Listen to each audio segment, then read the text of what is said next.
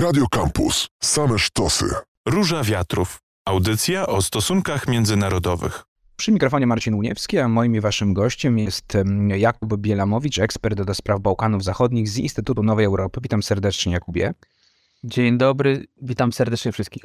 W sobotę w albańskiej stolicy Tiranie odbyły się masowe antyrządowe protesty. W ich czasie w stronę siedziby rządu poleciały bomby dymne, koktajle Mołotowa. W poniedziałek takie demonstracje zostały powtórzone, ale tym razem protestujący wdarli się do parlamentu mm, Albanii. Tysiące ludzi wyszły na ulicę w tych y, obu demonstracjach i niewykluczone, że będą wychodziły w kolejnych, domagając się dymisji premiera Ediego Ramy.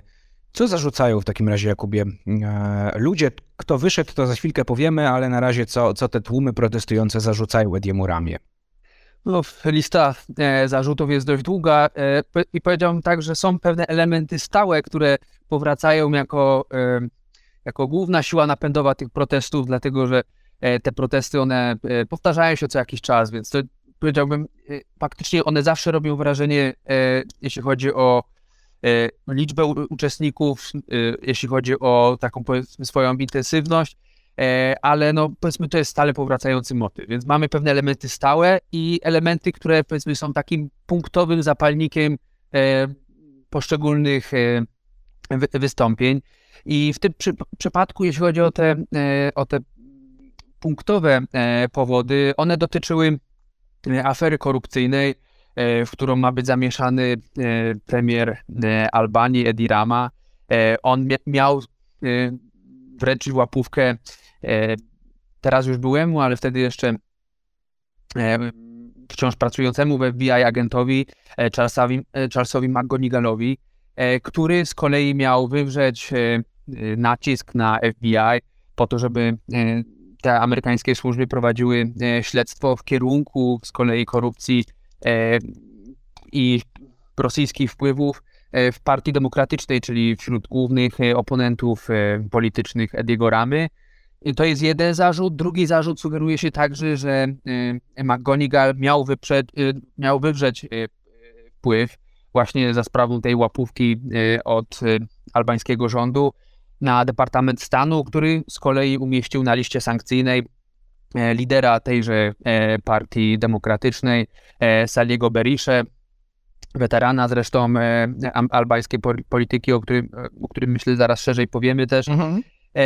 Więc to są te punktowe zarzuty. One oczywiście są odpierane przez, przez Ediego Ramę, który no, do, zarzuca z kolei opozycji, że no, próbuje tutaj wywołać aferę i przypisać mu nie, nieprawdę. A takie szersze powody, e, one, tak jak mówię, są stale powracającym motywem e, protestów e, Albanii. No to są po prostu coraz gorsze, bardzo złe warunki życia, wręcz powiedziałem pewnego rodzaju kryzys społeczny, który... To postawmy tu na chwilkę, Jakubie, kropkę. Zaraz powiemy o tych społecznych, ekonomicznych mm, uwarunkowaniach tych protestów. Zapytam cię jeszcze, na ile no, śledzisz zapewne mm, scenę polityczną też Albanii. Mm, ostatnio rozmawialiśmy co prawda o Bośni i Hercegowinie, no ale, ale, ale i ten kraj leży w polu twoich zainteresowań. Na ile nie wiem, według mediów, ekspertów te zarzuty w stosunku do ramy, no właśnie one są, one mogą być yy, uprawnione, na ile faktycznie on mógł, no bo Departament Stanu amerykański również zaprzecza, yy, że, że w jakikolwiek spisek był tutaj z Edim Ramo, no Eddie Ramo oczywiście zaprzecza, zaprzecza co, co nie dziwne. Czy też tu wskazuje, że może być jakieś ziarno prawdy w tych oskarżeniach, czy one są raczej motywowane politycznie? Czy za mało w ogóle wiemy, żeby, żeby to oceniać? Więc jeśli chodzi o same e, zarzuty i powiedzmy te machinacje korupcyjne, e, do których tam doszło, no to tutaj nie czuję się władny, żeby to mhm. ostatecznie, ostatecznie rozstrzygać o, o prawdzie tego. Mogę powiedzieć, e, jakie są poszlaki, które mogą, mogą mhm. wskazywać. Więc faktycznie jest tak, że Stany Zjednoczone w ostatnich latach sprzyjają Mediemu Ramie poprzez działania sankcyjne wobec jego przeciwników politycznych. Więc faktycznie od tej strony mogą mieć te zarzuty, e, mogą sprawiać wrażenie prawdopodobnych, tak bym powiedział, ale czy faktycznie tak było, tego nie jestem, nie jestem w stanie powiedzieć. E, faktycznie Stany Zjednoczone za pośrednictwem swojej ambasady e, w Tiranie wysyłają e, sygnały, że nie chciałyby widzieć rządu w Tiranie, który byłby kierowany właśnie przez głównego polityka Partii Demokratycznej, czyli Saligo Berisze.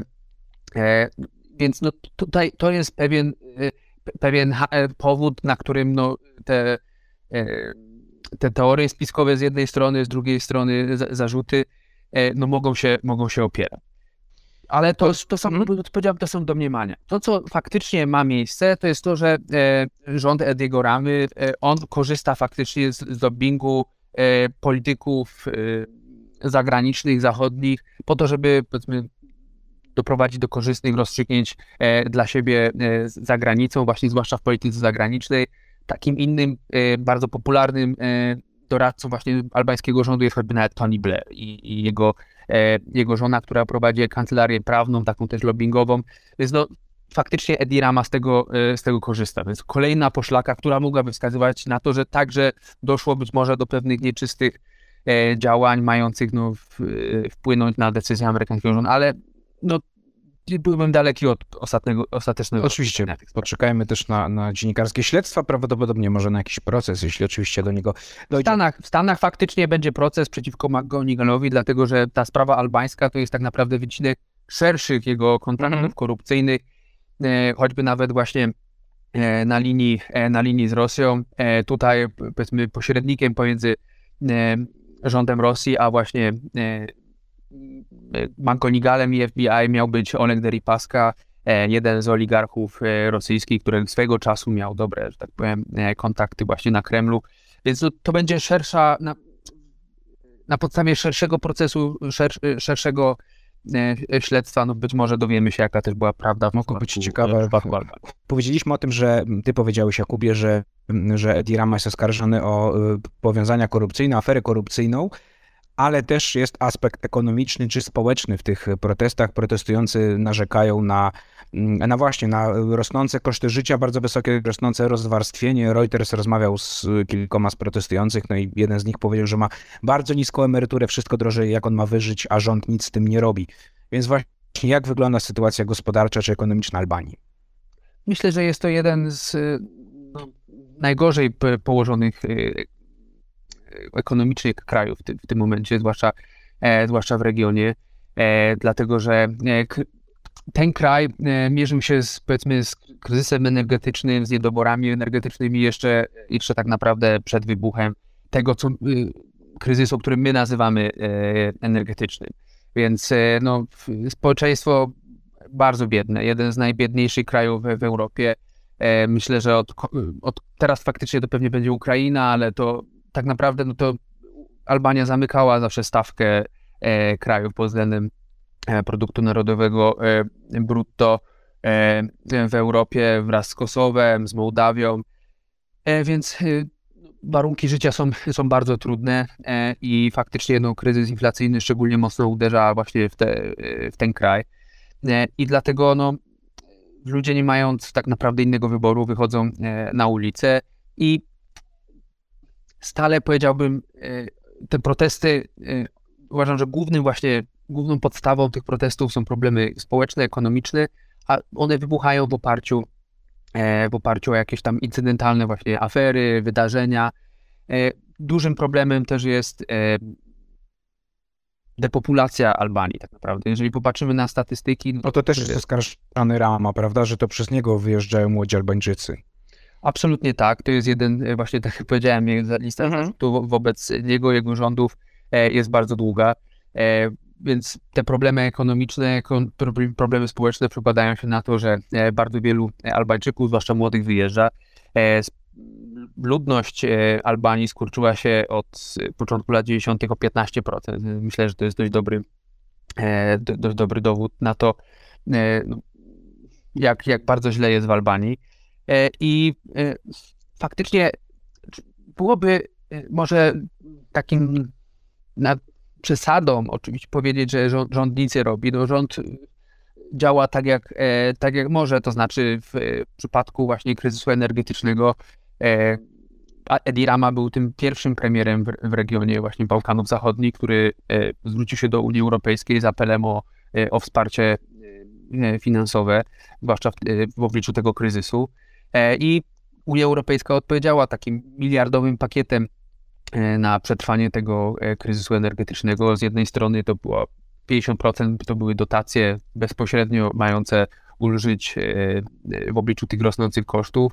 Druga, druga połowa miała pójść na takie już projekty bardziej rozwojowe w obszarze transformacji energetycznej. No faktycznie, no ciężko, ciężko. Nie, nie, nie, chcę tu występować w roli adwokata Ediego Ramy, ale no, faktycznie mając dość, dość skromne zas, zasoby, ciężko jest wystąpić z jakimś bardzo przekonującym pakietem. No, mamy wiele dużo bardziej rozwiniętych krajów w Europie, w regionie, które e, też sobie ciężko radzą. E, więc no, e, tutaj nie ma takich złotych rozwiązań dla tego kraju. Oczywiście można Ediemu Ramie zarzu zarzucać to, że doszedł do władzy w 2013 roku. Jak... Właśnie dodajmy, trzeci raz już jest premierem z rzędu, prawda? Dokładnie tak. Tak, i właśnie to, to co można mu, z czego mu, uważam, że realnie można mu czynić, czynić zarzuty, E, to to e, jego coraz taki bardziej autorytarny sposób sprawowania władzy. On, można powiedzieć, w pewien sposób zapatrzył się na sposób sprawowania władzy w, Serbii przez serbskiego prezydenta Aleksandra Vucicia i on oczywiście może nie aż w takim stopniu, ale no, wiele tych mechanizmów naśladuje, przyjmuje u siebie także w Albanii. mamy tak naprawdę no, kompletnie zdominowano już w tym momencie scenę polityczną właśnie przez e, Ediego Ramę jego partię e, socjalistyczną. E, ma samodzielną większość w parlamencie. Dwa lata, tak, dwa lata temu odbyły się wybory. Ma 74 mandaty pośród 140 posłów. W zeszłym roku odbyły się jeszcze wybory parlamentarne. Wybór prezydenta w Albanii jest dokonywany przez, przez parlament. Został tutaj powołany na tę funkcję E, stronnik e, ramy e, Bayram Begaj, więc on powiedziałbym przez te ostatnie lata konsoliduje po prostu swój system władzy, stając się w tym no, wielu tych zachowaniach, postępowaniach coraz mniej demokratyczny. Wolność mediów jest te, też mocno, że tak powiem, naruszana. Więc z tego bym raczej czynił zarzut, taki polityczny, ale po prostu no, ciężko oczekiwać, że kraj, który jest jednym z najbiedniejszych w, w Europie, no, nagle e, dokona jakiegoś niesamowitego postępu albo wyjdzie naprzeciw e, swoim obywatelom z, z, wielką pomocą. To, co jawiło się swego czasu jako, jako perspektywa na, e, na rozwój e, i, i być może dokonanie pewnego e, dziejowego e, skoku, no to była oczywiście integracja europejska, ale no tak naprawdę Edi Rama Oczywiście on uczestniczy w, e, w tej polityce prozachodniej, e, proeuropejskiej, ale jest dużym krytykiem właśnie procesu integracji europejskiej na, na Bałkanach. E, każdorazowo wyraża, że tak powiem, swoje, swoją frustrację i rozczarowanie postawą, postawą Brukseli, stale odwlekanymi decyzjami w sprawie właśnie kolejnych etapów integracji europejskiej. Mimo, że oczywiście chętnie gości polityków unijnych i szczyty unijne e, właśnie u siebie. Ostatnio odbył się taki pierwszy e, w Tiranie, będzie kolejny, jeżeli się nie mylę, w maju tego roku, e, szczyt Bałkanów Zachodnich, że tak powiem, w terenie, a nie w Brukseli. Więc brakuje, mi się wydaje, także perspektywy dla, tych, dla tego kraju i to sprawia, że ten brak perspektyw sprawia, że właśnie ci, którzy mogliby być jakąś siłą napędową dla tego kraju, no po prostu wyjeżdżają E, zostają ci, którzy z różnych względów wyjechać nie chcą lub nie mogą. Na ulicę, jak piszą media, wyszli głównie zwolennicy opozycji, a na te demonstracje wzywał były prezydent i były premier oraz lider właśnie, tak jak powiedziałeś, opozycyjnej partii demokratycznej Sali Berisha, weteran, tak jak też powiedziałeś, albańskiej sceny politycznej. To zapytam, kto zacz? Kim jest człowiek, który, y, jak rozumiem, no, zmotywował większość protestujących, żeby wyszli na ulicę? Więc tak, faktycznie y, warto sobie przedstawić tych głównych aktorów y, wydarzeń z ostatnich dni, ale właśnie tych, którzy rozdają te karty na scenie politycznej w, w Albanii. Więc z jednej strony, to już powiedzieliśmy o właśnie premierze mhm. E, Edim Ramie, e, rządzi już od no, prawie e, niebawem będzie 10 lat. Jego głównym przeciwnikiem w tym momencie jest E, Sali Berisha, e, lider partii e, demokratycznej. Jest to zarówno były premier, jak i były prezydent tego, tego kraju, weteran sceny politycznej, który jest obciążony bardzo wieloma zarzutami. To myślę, że lista zarzutów do ramy w porównaniu do tej, którą ma Berisha jest, jest, jest wydaje się już całkiem krótka. Dlatego, że tu ciągną się za Berishą sprawy jeszcze z, z lat 2000 i 90 to on doprowadził tak naprawdę swoją, e, swoją polityką do, e, do tak zwanej e, rewolucji piramidowej w Albanii w 1997 roku, która no, przybrała formę pewnego rodzaju wojny domowej. To znaczy po prostu pewien system piramid finansowych załamał się w tym momencie, no i, i kraj pogrążył się w chaosie do tego stopnia, że zagraniczne ambasady ewakuowały wówczas swoich obywateli właśnie z Albanii. E, oczywiście wiele afer korupcyjnych, e, także naruszeń e, praw człowieka z okresu jego, jego wielo, wieloletnich rządów. Więc no, to jest tak, że Zachód w pewien sposób stawia na ramę z tego względu, że on wypada lepiej na tle innych. To nie znaczy, że to jest jakiś bardzo zaawansowany i, i e, płomienny demokrata, tylko po prostu to jest ten taki, powiedziałbym, pewna gra polityków na Bałkanach. Chodzi o to, żeby oni wypadali dobrze lub byli tymi umiarkowanymi na tle innych jeszcze gorszych. I, i faktycznie no, w Berisha, który, któremu na pewno nie można odmówić ogromnego talentu mobilizacyjnego. Faktycznie ma, ma charyzmę i mimo, że ma już prawie 80 lat, myślę, nie wiem, to chyba jest rocznik e, Joe Bidena, jeżeli się nie mylę, albo przynajmniej te, te okolice, e, no potrafi wciąż wyciągnąć e, tysiące Albańczyków na ulicę no, zwłaszcza zdjęcia z Tirany robią wrażenie, gdzie, gdzie te główne place tego miasta, Matki Teresy czy Skanderbega, no, są po prostu naprawdę wypełnione, wypełnione ludźmi. Nie sądzę, to, to nie jest absolutnie żaden przyszłościowy polityk dla tego, dla tego kraju. Na pewno ma ostrą retorykę, posługuje się językiem, który wciąż jeszcze pociąga ludzi, ale no to e, nie sądzę, żeby, żeby, żeby tutaj ta, ta postać jeszcze mogła odnieść sukces.